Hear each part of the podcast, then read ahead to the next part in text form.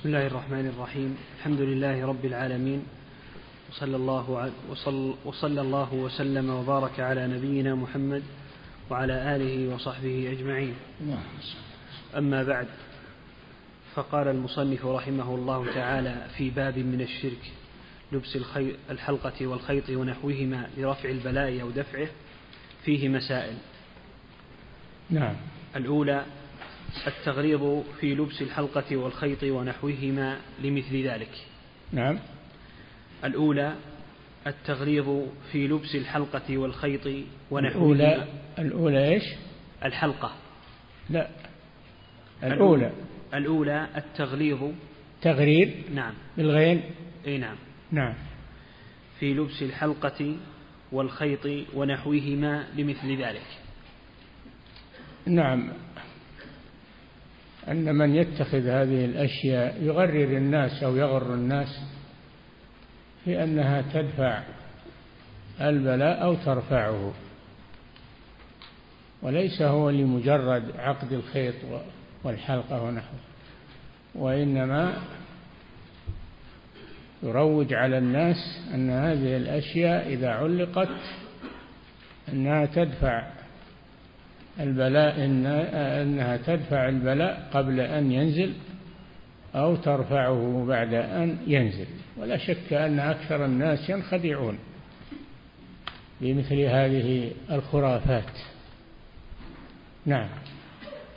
الثانية أن الصحابي لو مات وهي عليه ما أفلح. لأن النبي صلى الله عليه وسلم قال انزعها. فإنها لا تزيدك إلا وهنا يعني ضعفا.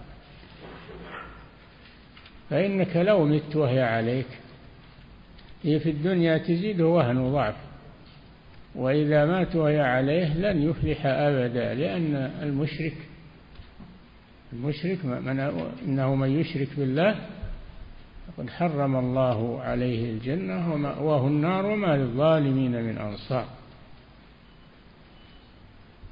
فمن مات على الشرك فلن يفلح أبدا.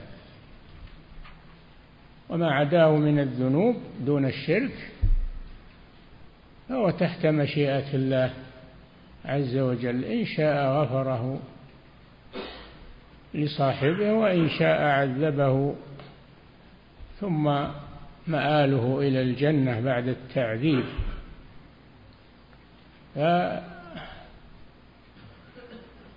فهو لن يفلح أبدا. أما الذي يشرك الشرك الذي أما أما من يفعل كبيرة دون الشرك فهو يفلح. إما فلاحا تاما وإما فلاحا ناقصا. نعم. فلا ينفي الفلاح إلا عن المشرك الشرك الأكبر. نعم. الثانية أن الصحابي لو مات وهي عليه ما أفلح. نعم. فيه شاهد لكلام الصحابة أن الشرك الأصغر أكبر من الكبائر. لأن تعليق الحلقة والخيط نحوهما لرفع البلايا ودفعه هذا من الشرك الأصغر إذا اعتقد أن هذه الأشياء سبب لرفع البلايا ودفعه. وإنما الذي يفعل ذلك هو الله. فهذا شرك أصغر لأنه لأنها الله لم يأذن بهذا. لأن الله لم يأذن بهذا ولم يشرعه. فهو لا يفلح أبدا. إذا كان هذا في الشرك الأصغر فكيف بالشرك الأكبر؟ فالشرك لا فلاح معه أبدا أصغر أو أكبر. نعم. الثالثة أنه لم يعذر بالجهالة. أنه لم يعذر بالجهالة. فهذا الذي علق الخيط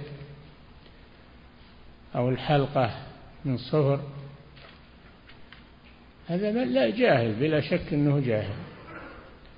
فلا يعذر بالجهل في أمور الشرك والعقيدة. لأن فيه من المرجئة الآن أن يقولون يعذر بالجهل مطلقا. هذا كلام باطل. الأمور العقيدة لا يعذر فيها بالجهل. وأما الأمور الغامضة والأمور التي تحتاج إلى بيان هذه يعذر بها بالجهل حتى تبين. نعم.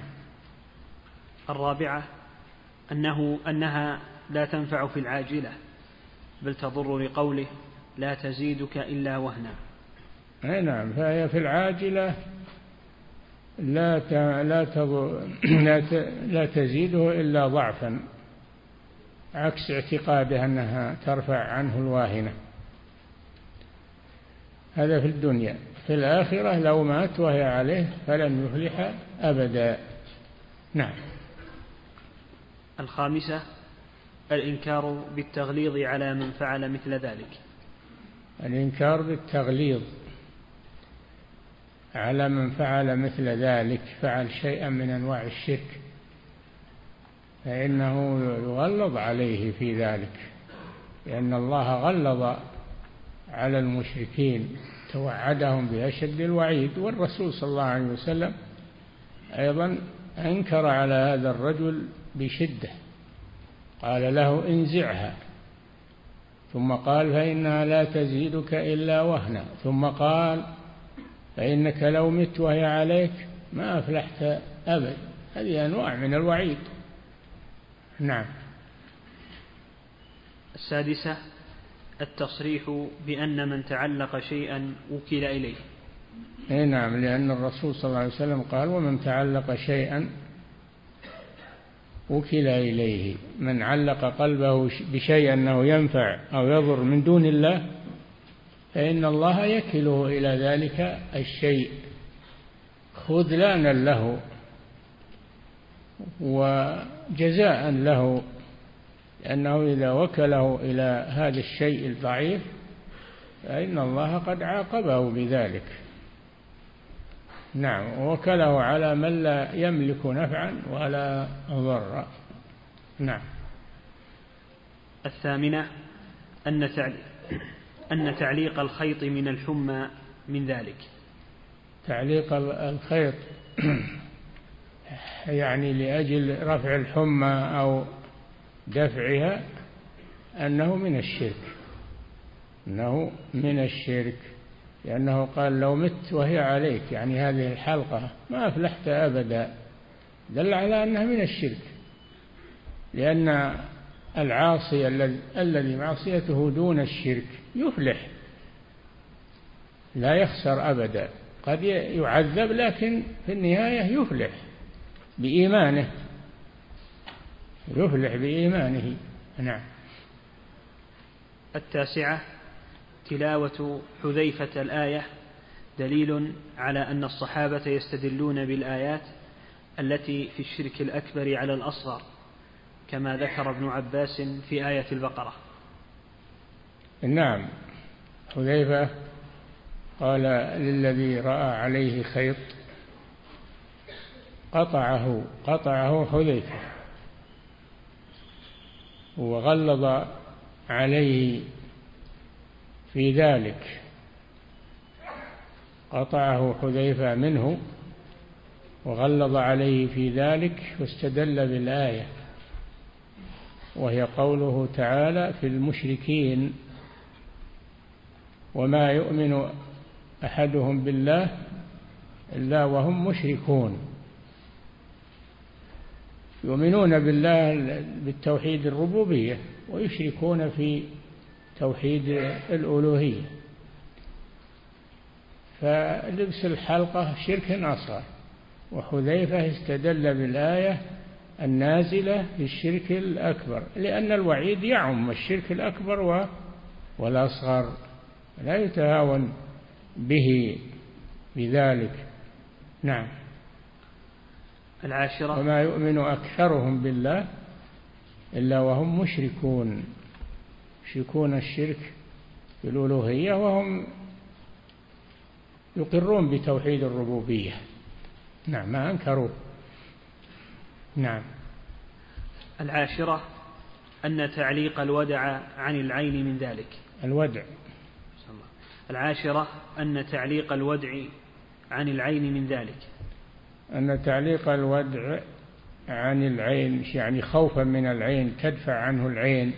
الإصابة بالعين أنه من الشرك. من ذلك يعني من الشرك. لأن الودعة لا لا تدفع العين إنما يدفع العين وغيرها هو الله سبحانه وتعالى. نعم. الحادية عشرة الدعاء على من تعلق تميمة أن الله لا يتم له ومن تعلق نعم. ومن تعلق ودعة فلا ودع الله له أي ترك الله له. أي نعم. الدعاء على من فعل ذلك أيضا. تعلق تميمة فلا أتم الله له ما أراد. عكس ما يريد من التميمة.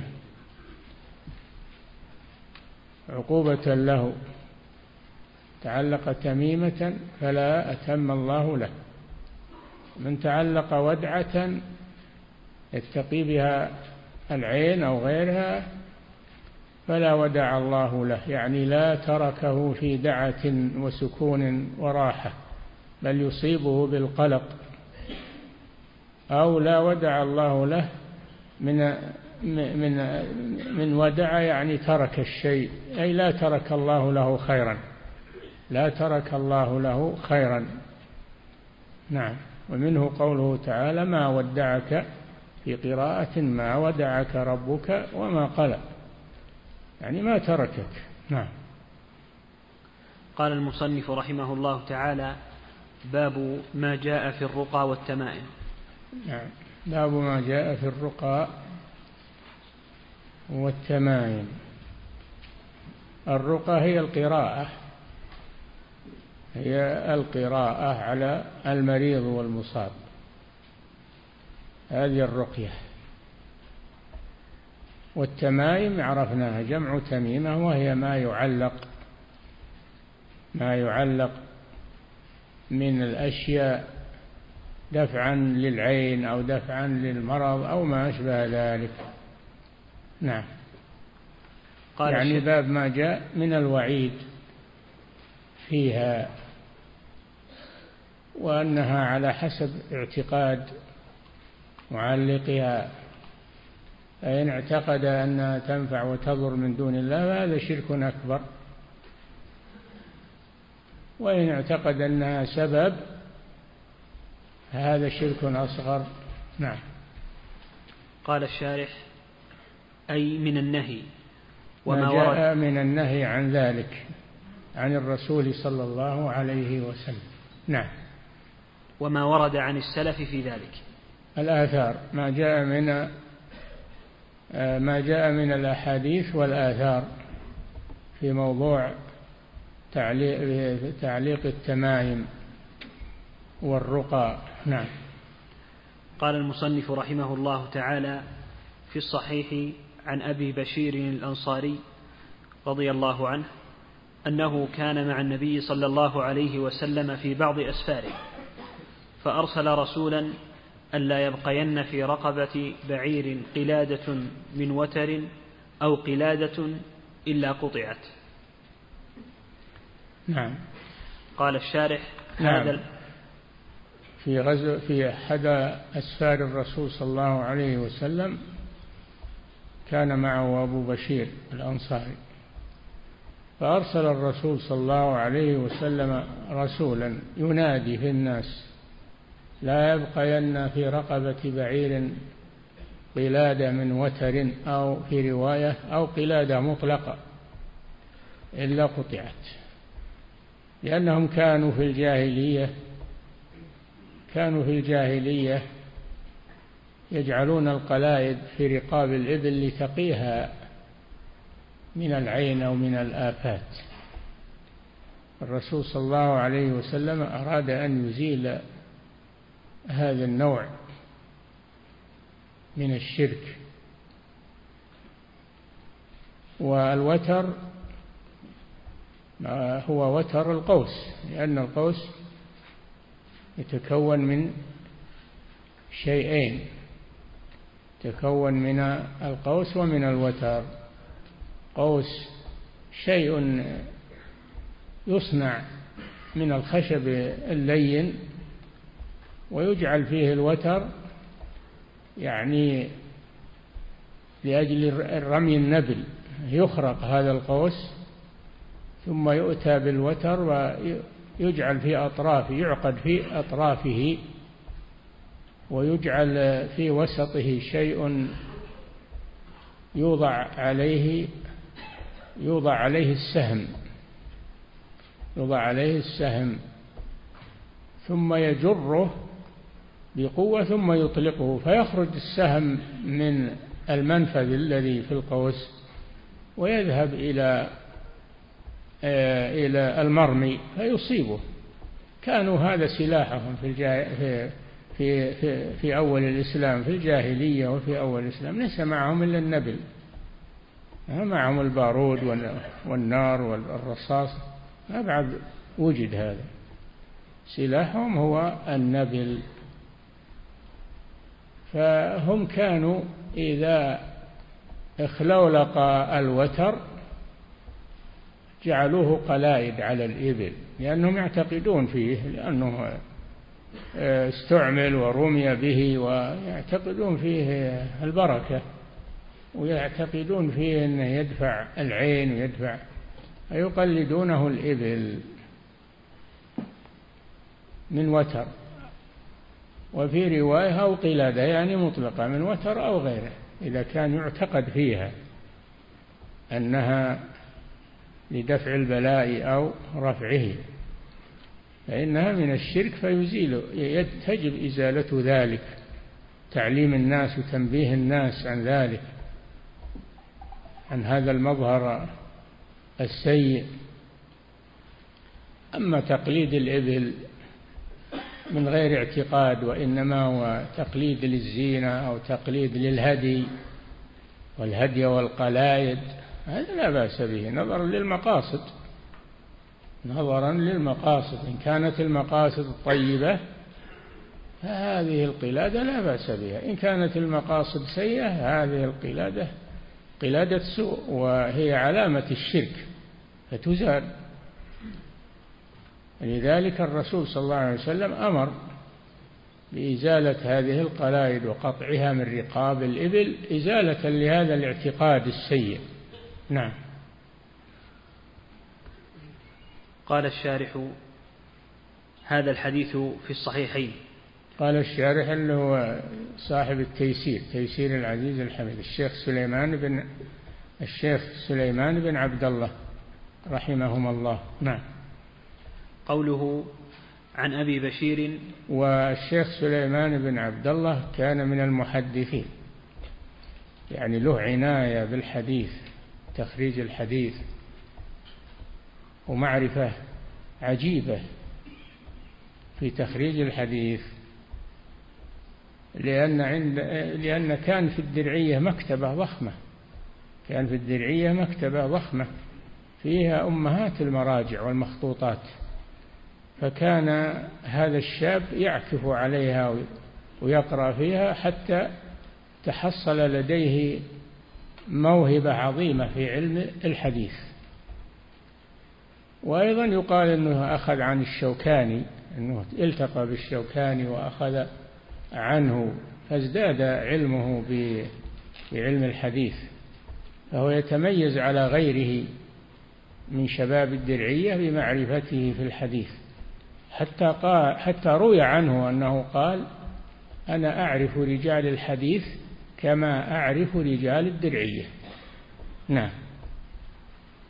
قوله عن أبي بشير فتح أوله وكسر المعجمة قيل اسمه قيس بن عبيد. نعم. قاله ابن سعد. هذه كناية أبو بشير كناية مثل أبو هريرة مثل كنايات أبو أو أم. الكناية ما صدر بأب أو أم. هذه الكناية. ما صدر بأب أو أم. مثل أم عبد الله. آه، وهكذا. ما صدر بأب أو أم فإنه يقال له كناية وهي تستعمل للتكريم لتكريم الشخص. وأما اللقب فقد يراد به ذما ولا تنابزوا بالألقاب. اللقب ما أشعر بمدح أو ذم. نعم. والغالب أنه يستعمل للذم. نعم. قيل اسمه قيس بن عبيد قاله ابن سعد وقال ابن عبد البر. لا يوقف. ابن سعد صاحب الطبقات. مشهور طبقات ابن سعد في الحديث ورجال الحديث مشهور. نعم. وقال ابن عبد البر لا يوقف له على اسم صحيح وهو صحابي. هو صحابي على كل حال أما أنه اختلف في اسمه هذا أمر سهل. نعم. شهد الخندق ومات بعد الستين. شهد غزوة الخندق التي هي في السنة الثالثة من الهجرة لأن المشركين آه، جمعوا من القبائل وغزوا رسول الله صلى الله عليه وسلم في المدينة وحاطوا بها وخانت اليهود معهم نقضوا العهد والمنافقون انضموا إليهم جاءوكم من فوقكم ومن أسفل منكم. فالمشركون من خارج المدينة والمنافقون من داخل واليهود من داخل المدينة. اشتد الأمر بالصحابة جدا. سميت الخندق لأن الرسول صلى الله عليه وسلم حفر خندقا حفر خندقا حول المدينة يمنع الخيل من دخول المدينة ونفع الله بهذا الخندق. وكان بمشورة سلمان الفارسي رضي الله عنه.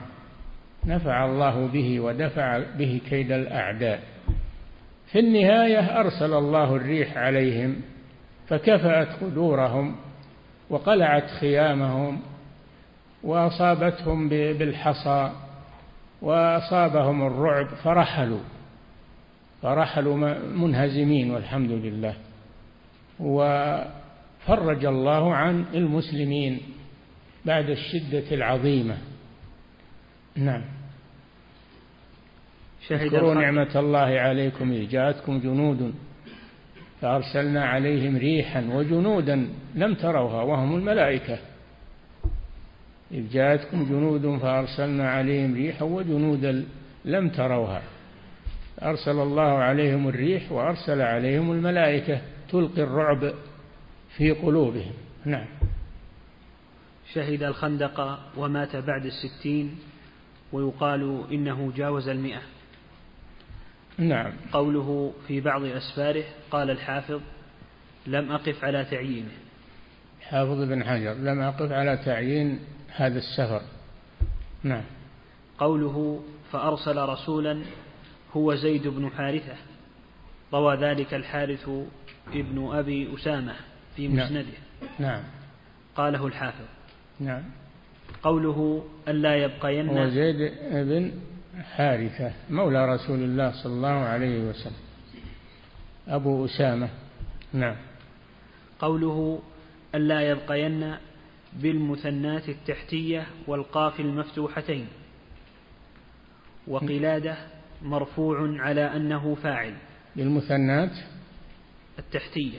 ياء الياء يعني المثنات التحتية هذه الياء المثنات الفوقية هذه التاء والقاف وما أشبهها. نعم. بالمثنات التحتية والقاف المفتوحتين نعم يبقين نعم.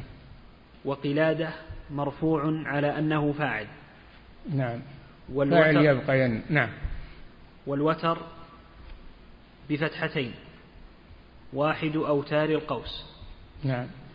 وكان أهل الجاهلية إذا اخلولق الوتر أبدلوه بغيره وقلدوا به الدواب اعتقادا منهم أنه يدفع عن الدابة العين. العين الإصابة بالعين. نعم. قوله أو قلادة إلا قطعت معناه أن الراوي شك هل قال شيخه قلادة من وتر أو قال قلادة. مطلقة يعني. نعم. أو قال قلادة وأطلق ولم يقيد. ونعم القلادة إذا كان يعتقد فيها سواء كانت من وتر أو من غيره كله سواء. نعم. ويؤيد الأول ما روي عن مالك أنه سئل عن القلادة. عن, عن القلادة. نعم. فقال ما سمعت بكراهتها إلا في الوتر. إلا في الوتر. نعم. ولأبي داود ولا قلادة بغير شك. نعم.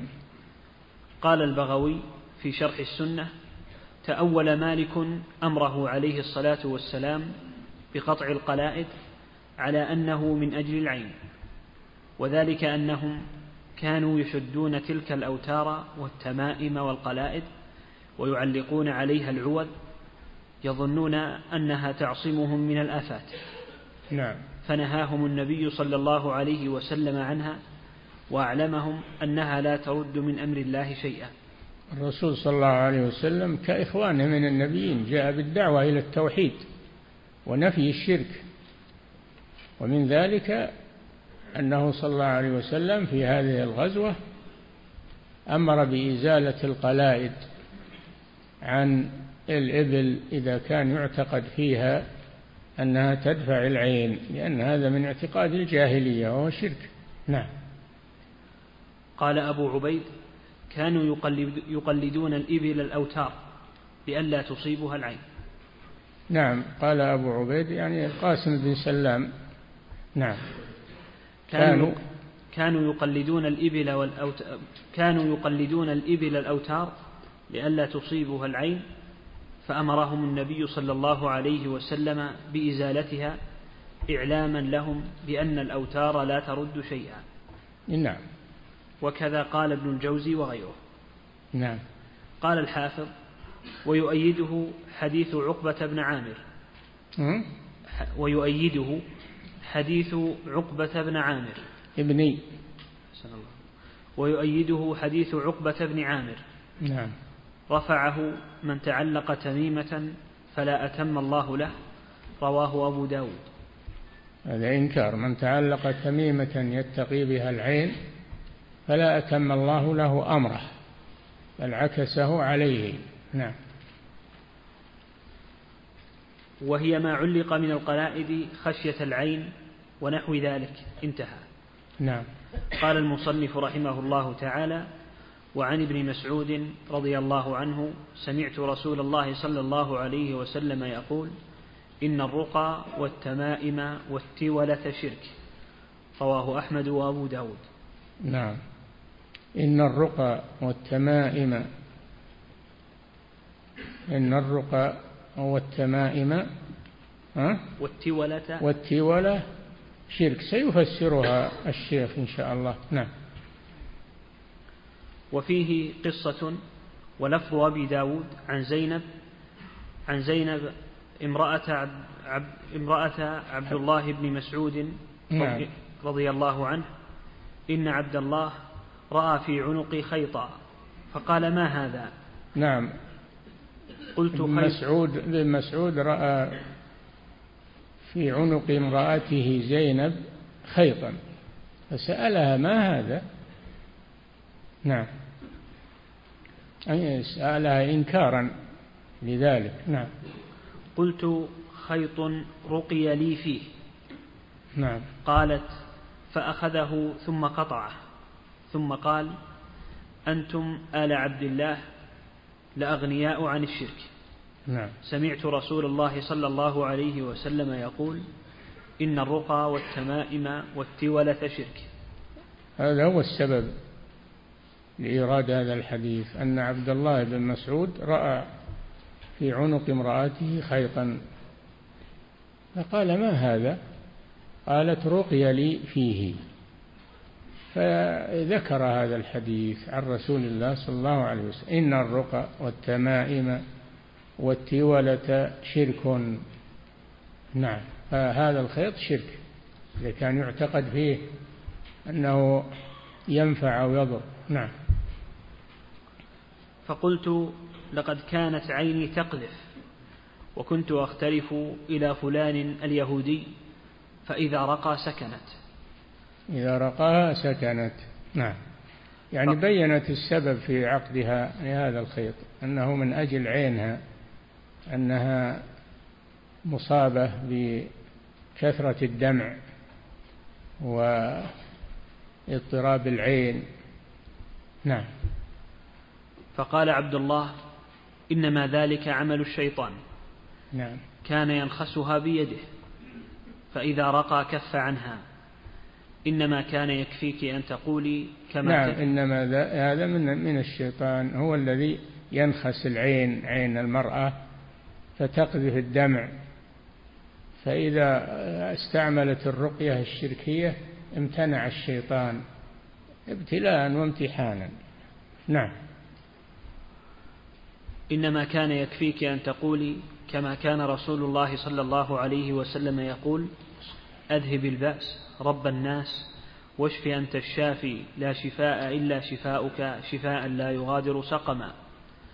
هذه رقية الرسول صلى الله عليه وسلم. إذا رقى المريض يقول أذهب البأس رب الناس واشف أنت الشافي لا شفاء إلا شفاؤك شفاء لا يغادر سقما هذه رقية الرسول صلى الله عليه وسلم. فيدعو الله عز وجل ولا يعلق هذه الأشياء. فيلجأ إلى الله عز وجل في كشف الضر. نعم.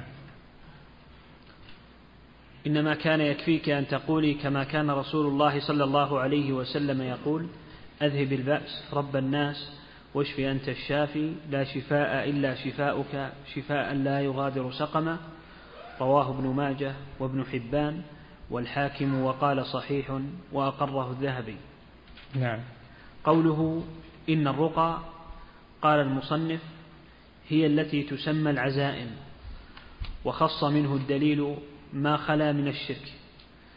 الرقى فيها تفصيل إن كانت من القرآن ومن أسماء الله وصفاته والدعوات المشروعة فلا بأس بها فلا بأس بها. أما إن كانت من الرقى الشركية فإنها ممنوعة كالاستغاثة بالشياطين أو بالجن ودعائهم من دون الله أن يرفعوا هذا المرض أو أن يشفوا من هذا المرض هذا شرك بالله عز وجل. ففيها تفصيل. هذه الرقى الرقية فيها تفصيل. إن كانت من القرآن ومن الأدعية المشروعة فلا بأس بها. وقد رقى النبي صلى الله عليه وسلم بعض المرضى ورقي هو صلى الله عليه وسلم رقاه جبريل. نعم. قوله إن الرقى قال المصنف هي التي تسمى العزائم. المصنف الشيخ محمد بن عبد الوهاب. نعم. وخص منه الدليل ما خلا من الشرك. نعم. فقد رخص فيه رسول الله صلى الله عليه وسلم من العين والحمى. من العين والحمى كما مر بكم في أول الكتاب في قوله صلى الله عليه وسلم لا رقية إلا من عين أو حمى. الحمى هي اللدغة من ذوات السموم والحمى هي الحمى. يعني فلا رقية أنفع و آه، وأشفى من الرقية لهذين المرضين أو هاتين الإصابتين. نعم. يشير إلى أن الرقى الموصوفة بكونها شركا هي التي يستعان فيها بغير الله. نعم. وأما إذا لم يذكر فيها إلا أسماء الله وصفاته وآياته والمأثور عن النبي صلى الله عليه وسلم فهذا جائز فهذا حسن جائز أو مستحب. نعم. قوله فقد رخص فيه رسول الله صلى الله عليه وسلم من العين والحمى كما تقدم في باب من حقق التوحيد نعم. وكذا رخص في الرقى من غيرها كما نعم. في وكان؟ وكذا رخص في الرقى من غيرها. من غير العين والحمى. من جميع الأمراض. لا بأس بالرقية من القرآن والسنة وأسماء الله وصفاته من جميع الأمراض. لكنه قوله لا رقية إلا من عين أو حمى يعني لا رقية أنفع أنفع من غيرها. نعم. وكذا رخص في الرقى من غيرها كما في صحيح مسلم عن عوف بن مالك كنا نرقي في الجاهلية فقلنا يا رسول الله كيف ترى في ذلك؟ فقال اعرضوا علي رقاكم. لا بأس بالرقى ما لم تكن شركا. لا بأس بالرقى. جمع رقية ما لم تكن شركا. أما إن كانت في التوحيد وفي الدعوات المشروعة وفي أو من القرآن فلا بأس بها. هي نوع من الأسباب الطيبة. نعم. وفي الباب أحاديث كثيرة. نعم. قال يعني الخطابي. يعني في باب الرقية. نعم. قال الخطابي وكان عليه السلام قد رقى ورقي. نعم. وأمر بها وأجازها. يعني الرقية المشروعة. نعم. فإذا كانت بالقرآن وبأسماء الله تعالى فهي مباحة أو مأمور بها. نعم. وإنما جاءت الكراهة والمنع فيما كان منها بغير لسان العرب. إذا كانت بلغة العجم. يعني من شروط الرقية الصحيحة أولا أن تكون باللسان العربي. ولا تكون باللسان غير العربي لأن ربما يدخل فيها أشياء شركية ولا نعرفها. لا بد أن تكون باللغة العربية حتى نفهمها ونعرف ونميزها ونفحصها. نعم هذا شرط. نعم. وإنما جاءت الكراهة والمنع فيما كان منها بغير لسان العرب. نعم. فإنما ربما كان كفرا أو قولا يدخله الشرك. ولا ندري لأن ما نعرف اللغة غير العربية. نعم. قلت من ذلك ما كان على مذاهب الجاهلية التي يتعاطونها وأنها تدفع عنهم الآفات. رقى الجاهلية. التي كانوا يتعاطونها فإنها لا تخلو من الشرك. نعم. ويعتقدون أن ذلك من قبل الجن ومعونتهم. وبنحو هذا ذكر الخطابي. نعم يستعيذون من الجن وأنه كان رجال من الإنس يعوذون برجال من الجن. زادوهم رقبة وكانوا يستعيذون بالجن. وكانوا إذا نزلوا منزلا يقولون نعوذ بسيد هذا الوادي يعني من الجن من شر سفهاء قومه. فهذا من أمور الجاهلية ومن أمور المشركين أنهم يعوذون بالجن. فزادهم الجن رهقا يعني خوفا تسلطوا عليهم. نعم. قال قال قال وقال شيخ الإسلام كل اسم مجهول فليس لأحد أن يرقي به. كل اسم مجهول فليس لأحد أن يرقي به لئلا يكون من أسماء الشياطين لأنهم كانوا يرقون بأسماء الشياطين ويعوذون بهم. نعم. فضلا عن أن فضلا عن أن يدعو به.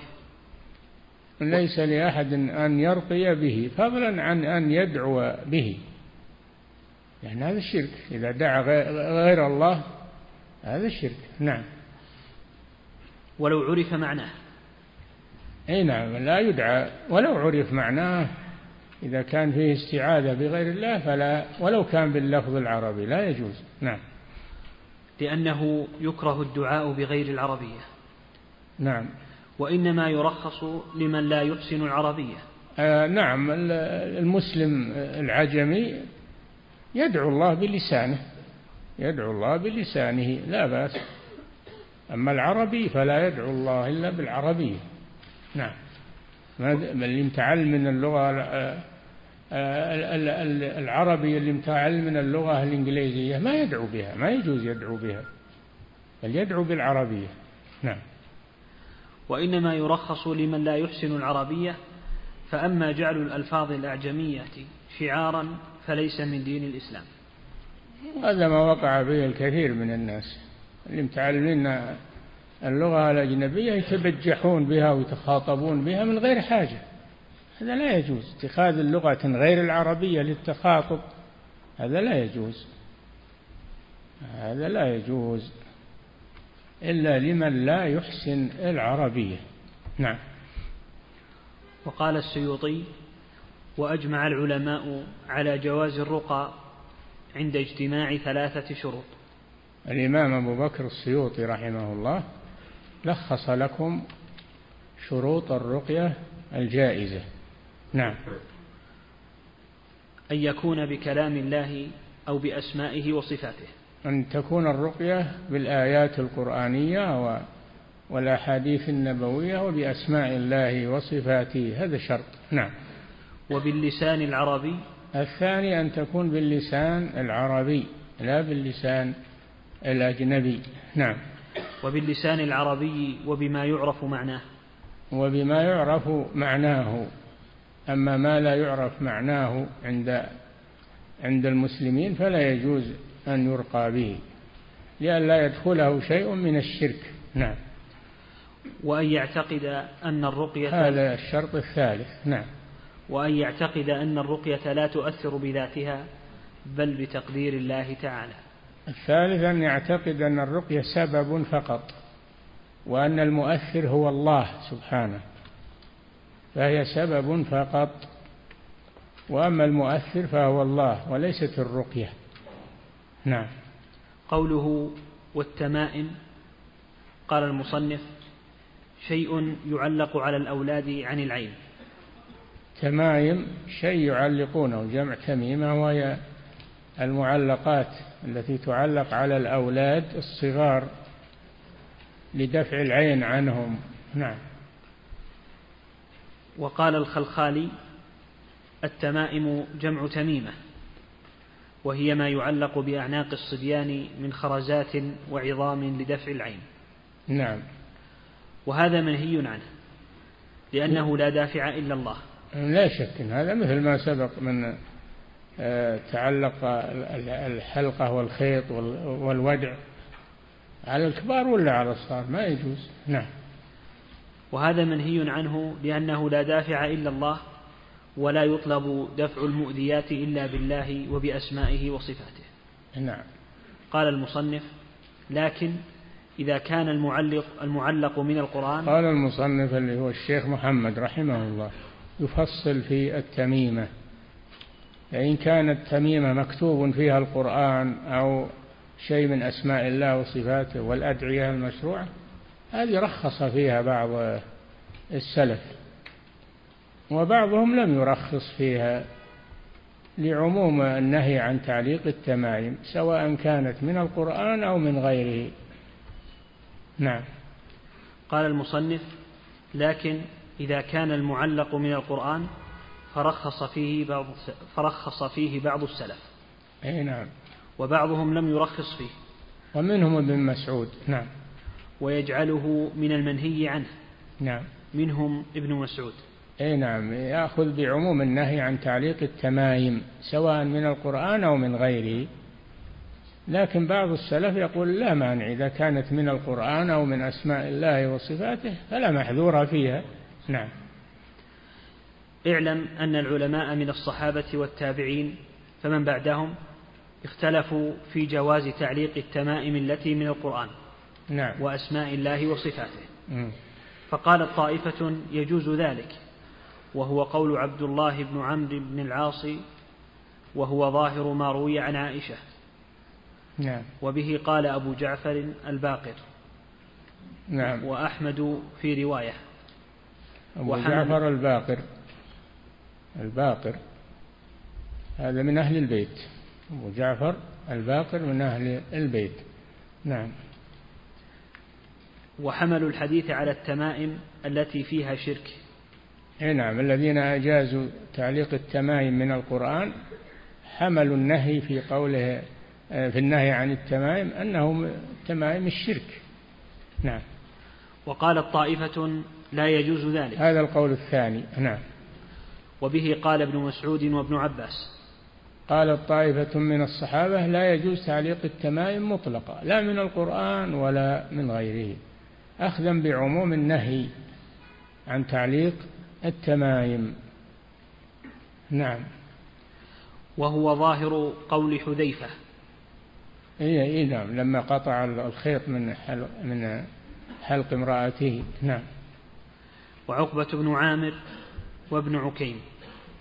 وبه نعم. قال نعم. وبه قال جماعة من التابعين منهم أصحاب ابن مسعود وأحمد في رواية اختارها كثير من أصحابه. نعم المنع يعني من التمايم مطلقا نعم من القرآن وغيره. نعم.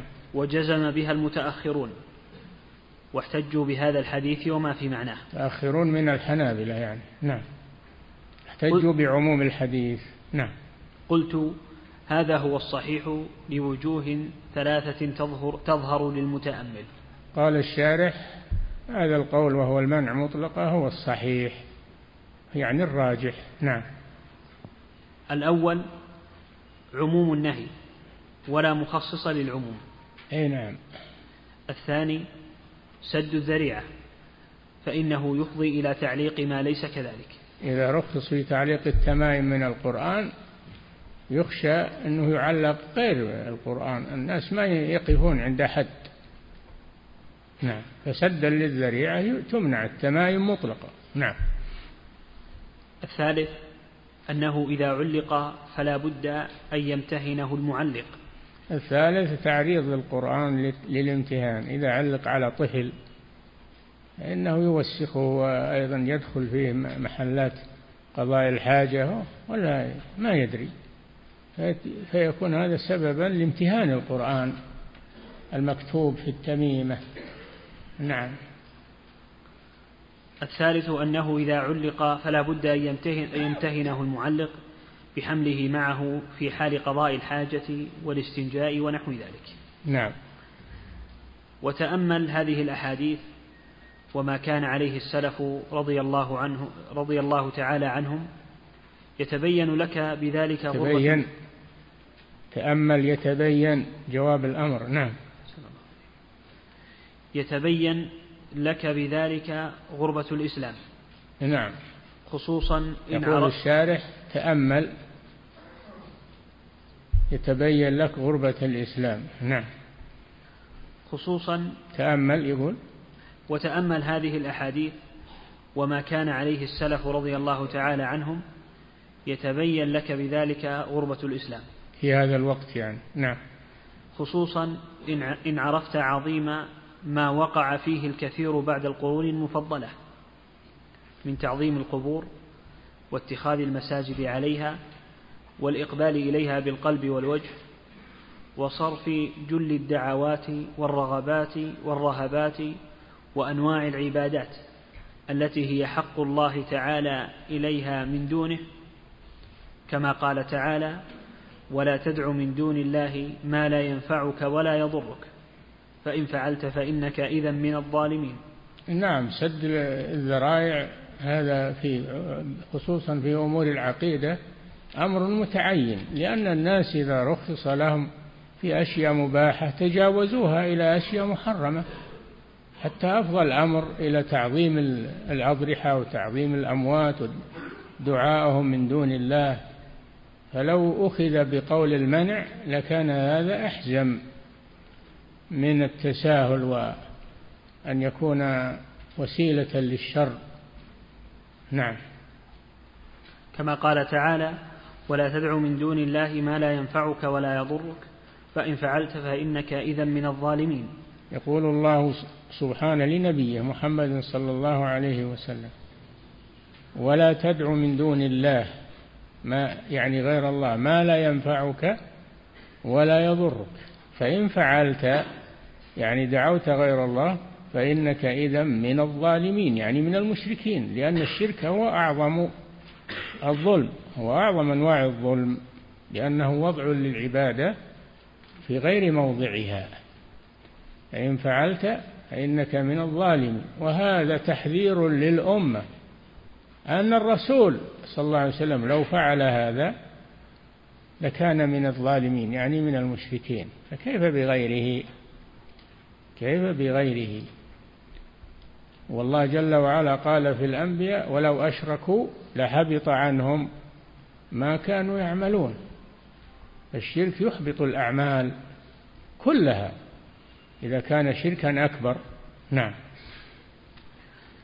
ولا تدع من دون الله ما لا ينفعك ولا يضرك فإن فعلت فإنك إذا من الظالمين وإن يمسسك الله بضر فلا كاشف له إلا هو وإن يردك بخير فلا راد لفضله. نعم. فعلق قلبك بالله. لأن وإن يمسسك الله بضر يعني بمرض أو فلا كاشف له إلا هو. ما تكشفه الرقى والتمائم والودع وما أشبه ذلك. لا لا يرفعه إلا الله سبحانه وتعالى. نعم. وأن يمسسك الله بضر فلا كاشف له إلا هو. وأن يردك بخير فلا راد لفضله. وأن يردك بخير فلا راد لفضله. لا مانع لما أعطى ولا معطي لما منع. ما يفتح الله للناس من رحمة. فلا ممسك لها وما يمسك فلا مرسل له من بعده وهو العزيز الحكيم فالأمر بيد الله سبحانه وتعالى. فعلق قلبك بالله لا تعلق قلبك بهذه الخزعبلات وهذه العادات وهذه. نعم. وأن يمسسك الله بضر فلا كاشف له إلا هو وأن يردك بخير فلا راد لفضله يصيب به من يشاء من عباده وهو الغفور الرحيم. الأمر بيد الله سبحانه يصيب به من يشاء. نعم. ونظائرها في القرآن أكثر من أن تحصر. نعم. قوله والتولة شرك قال التولة نعم. قال المصنف هي شيء يصنعونه يزعمون أنه يحبب المرأة إلى زوجها والرجل إلى امرأته قال الشيخ محمد رحمه الله التولة شيء يصنعونه يزعمون أنه يحبب الزوجين أحدهما للآخر وهو ما يسمى بالصرف والعطف. نعم. قال المصنف شيء هي شيء يصنعونه يزعمون أنه يحبب المرأة إلى زوجها والرجل إلى امرأته وبهذا فسره ابن مسعود. راوي الحديث. نعم. كما في صحيح ابن حبان. والحاكم. قالوا يا أبا عبد الرحمن هذه الرقى والتمائم قد عرفناها فما التولة قال شيء يصنعه النساء يتحببن إلى أزواجهن. هذا كلام ابن مسعود هو أبو عبد الرحمن. نعم. قال الحافظ التولة بكسر المثناه وفتح الواو واللام مخففا. شيء كانت المرأة تجلب به محبة زوجها وهي ضرب من السحر والله أعلم. نعم. وكان من الشرك لما يراد به من دفع المضار وجلب المنافع من غير الله تعالى. قال المصنف رحمه الله تعالى وعن عبد الله بن عكيم يكفي. نقف على نعم.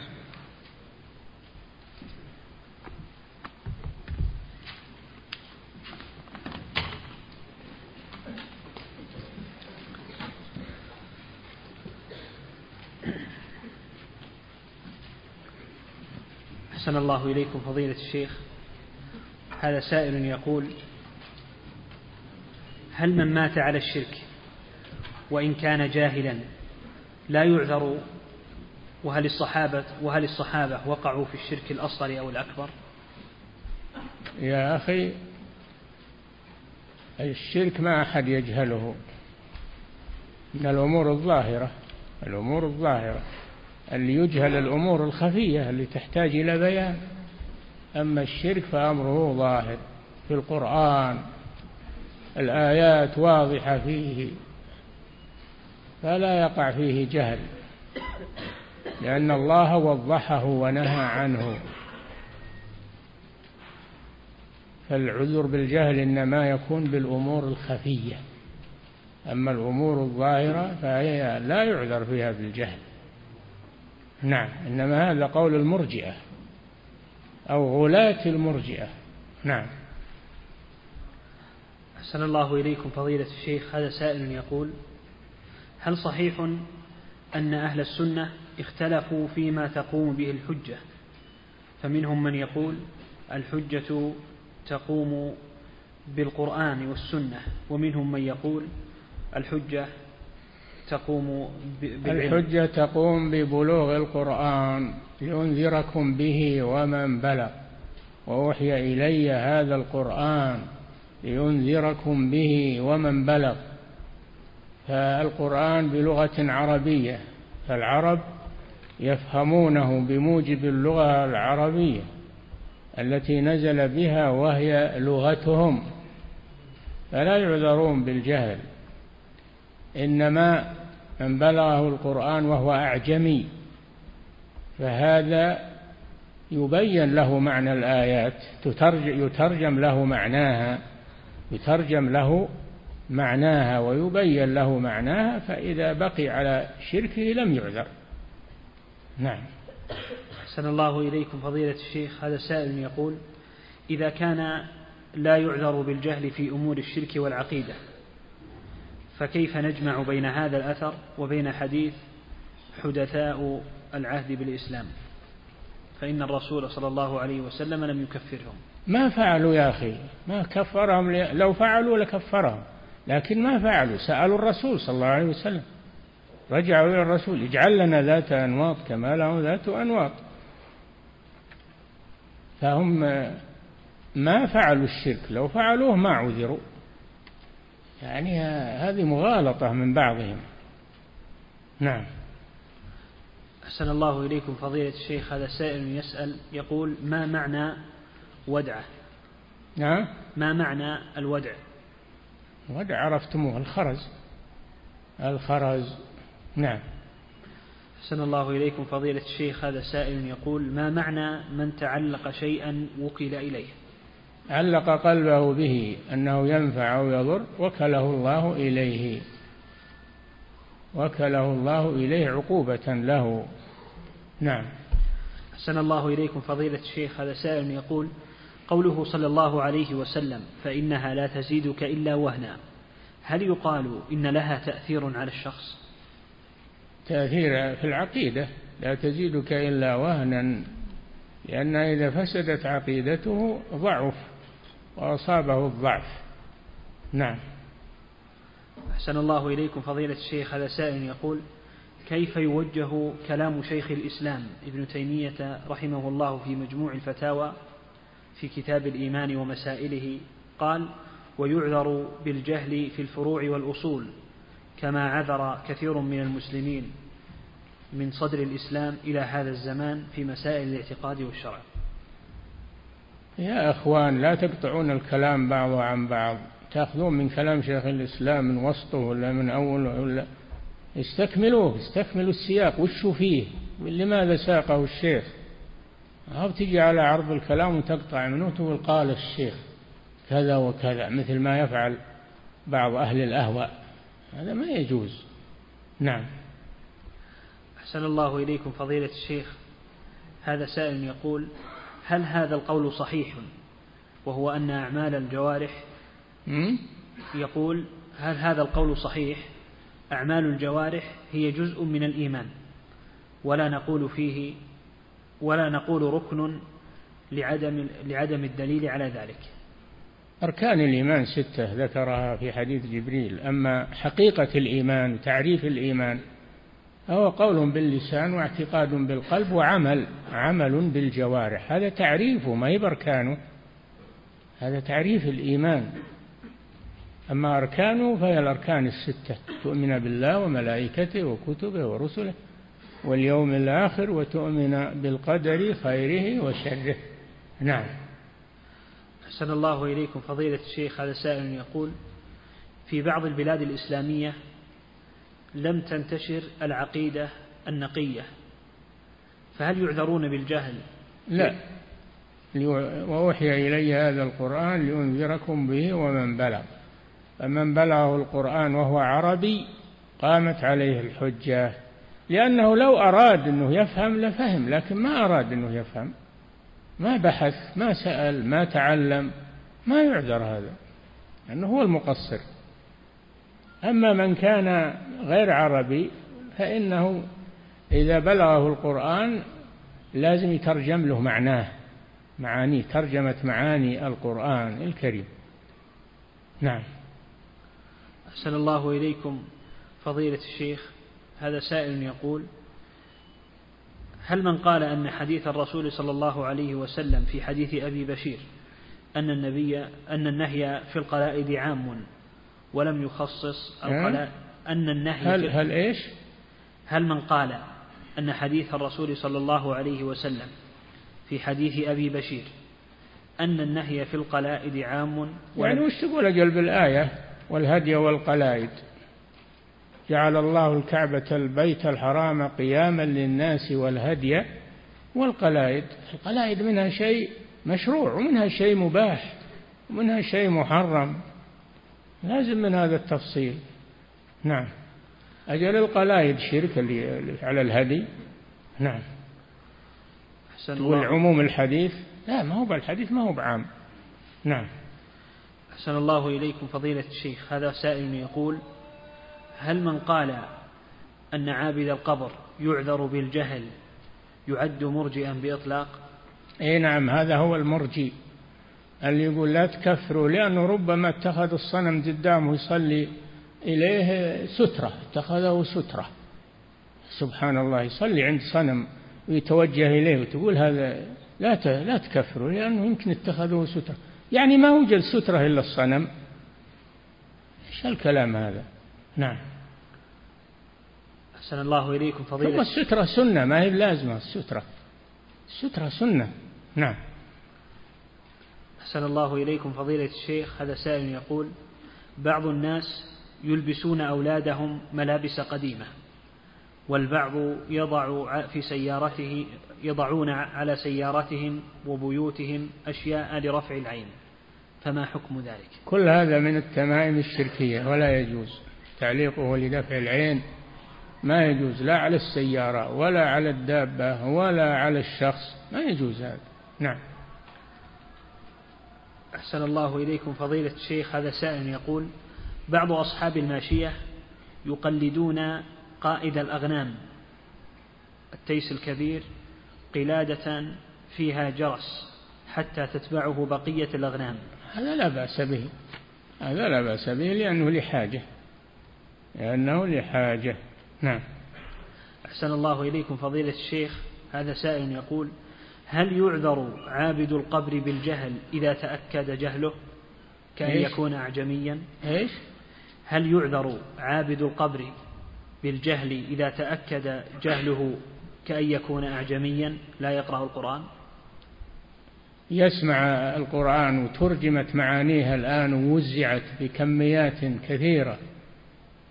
فلا يعذر اليوم بالجهل لأن وسائل الإعلام توسعت صارت تبلغ المشارق.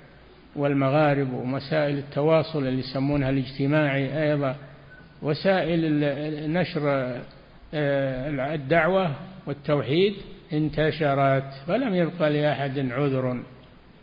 نعم إلا الميت اللي في قبره هذا انتهى. لكن حي ويعايش ما وقع الآن من آه، من وسائل الإعلام اللي بلغت المشارق والمغارب.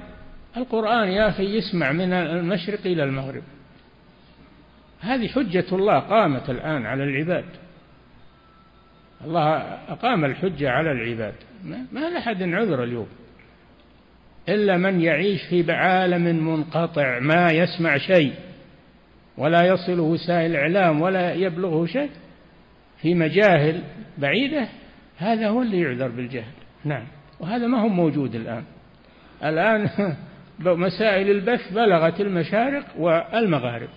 ودخلت المجاهل وكل مكان ورؤوس الجبال وكل مكان. هذه حجة الله سبحانه وتعالى. نعم.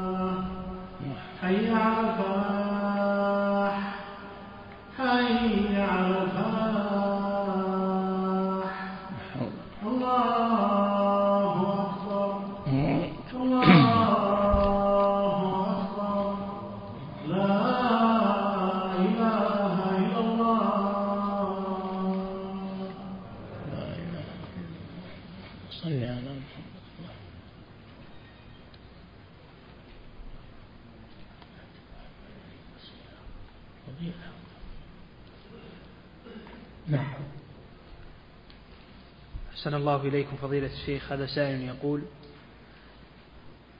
لماذا لا تمنع القلائد والتمائم إن كانت للزينة سدا للذريعة؟ المباح لا يمنع يا أخي بل القلائد قد تكون من الدين. إذا كانت على الهدي إذا كانت على الهدي علامة على أنه هدي هذه من الدين والهدي والقلائد نعم. أحسن الله إليكم. فضيلة يمنع امرأتك لا تحط قلادة. ها؟ تقول هذا عموم القرآن عم الحديث عمم القلائد وراك تخلي قلادة على مرك وبنتك وخالك. نعم. أحسن الله إليكم فضيلة الشيخ.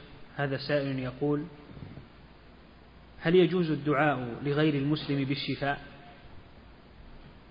وش السبب؟ وش الداعي لهذا؟ ادعي له بالهداية أحسن. إذا بغيت تدعي له ادعي له بالهداية. نعم.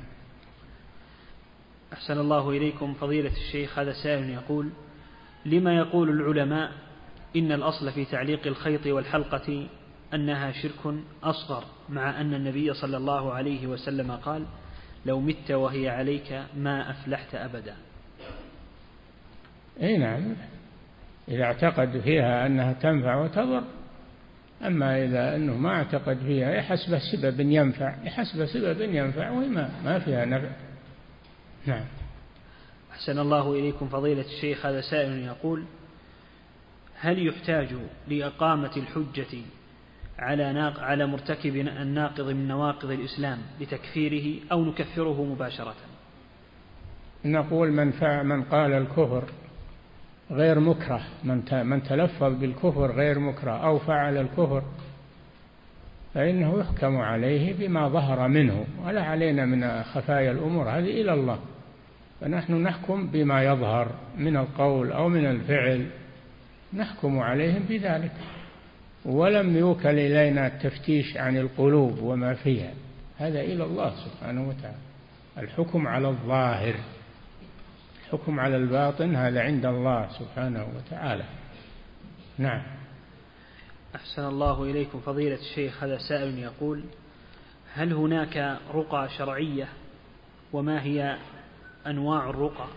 الرقى الشرعية سمعتها ما كانت من القرآن أو من الأدعية الشرعية أو بأسماء الله وصفاته هذه الرقى الشرعية.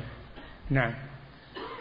أحسن الله إليكم فضيلة الشيخ هذا سائل يقول هناك بعض الناس يحضرون الخواتم من مكة مصنوعة من الفضة يقولون أن العين تجمع فيها. نسأل الله العافية. هذا هو اعتقاد الجاهلية. خواتم تمنع العين؟ ما تمنع العين. لو أن شيئا سبق القدر لسبقته العين. لو عليك عشرين خاتم تصيبك العين إلا من الهرات نعم. تعلق قلبك بالله لا تعلق قلبك بالخواتم. نعم. أحسن الله إليكم فضيلة الشيخ. هذا سائل يقول عندنا راق يشترط أن آتي بكيس سكر لمن أراد الرقية فهل هذا الاشتراط جائز؟ لا هذا مخرف. سكر. يقرأ من القرآن ومن الأدعية المباحة.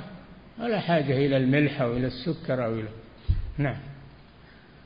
أو أنه يبيك تجيب له سكرا يشربه ها؟ ويحتال عليك بهالحيلة الباطلة. نعم. هذا لا تقرب أبد لا تروح له. نعم. أحسن الله إليكم. فضيلة الشيخ هذا سائل يقول هل يجوز لمن لا يحسن العربية أن يدعو في صلاته بلغته؟ اي نعم اللي ما يحسن العربية يدعو بلغته بلغته. أما القرآن ما يمكن يقرأ بغير العربية أبدا. لا يمكن أبدا أن يقرأ القرآن بغير العربية. فيتعلم القرآن ولو كان ما يعرف معناه ويقرأ به. نعم. أحسن الله إليكم فضيلة الشيخ. هذا سائل يقول هل تعليق التمائم من القرآن خاصة يعد من الشرك؟ هل إيش؟ تعليق التمائم من القرآن خاصة. يعد من الشرك؟ ما سمعت الكلام والتفصيل. بعض السلف يقول ممنوعة التمائم مطلقة من القرآن وغيره لعموم الأحاديث. وبعضهم يقول لا إذا كانت من القرآن هذا رخص فيه بعض السلف لأنه من القرآن والرقية بالقرآن مشروعة. نعم. أحسن الله إليكم فضيلة الشيخ. هذا سائل يقول معلوم أن رقية الكافر على المسلم جائزة. أن رقية الكافر على المسلم جائزة. كيف؟ من قال هذا؟ أن رقية الكافر للمسلم جائزة. ما يجوز الكافر ما يرقي الرقية الشرعية ولا يعتقدها أيضا. اشترط في الراقي أن يكون سليم العقيدة من أهل التوحيد. نعم. أحسن الله إليكم. فضيلة الشيخ هذا سائل يقول هل التميمة هل تعليق التميمة شرك أكبر أم أصغر؟ حسب القصد. إن كان يعتقد أنها تدفع وتنفع هي نفسها هذا شرك أكبر. أما إن كان يعتقد أنها سبب فهذا شرك أصغر. إن كان يعتقدها مجرد سبب وأن الشافي هو الله فهذا شرك أصغر وهو خطأ ويجر إلى الشرك الأكبر. نعم. أحسن الله إليكم فضيلة الشيخ هذا سائل يقول هل يجوز أخذ المال على الرقية والحجامة؟ نعم. نعم. يجوز أخذ المال على الرقية لأن الصحابة الذين رقوا اللديغ أخذوا شرطوا قطيعا من الغنم فأقرهم النبي صلى الله عليه وسلم على ذلك وقال إن أحق ما أخذتم عليه أجرا كتاب الله. فتؤخذ الأجرة على تعليم القرآن على الرقية به على كتابته. تؤخذ الأجرة على ذلك. نعم. أحسن الله إليكم فضيلة الشيخ. هذا سائل يقول هل إذا كانت الرقية بلغة غير العربية أعرفها؟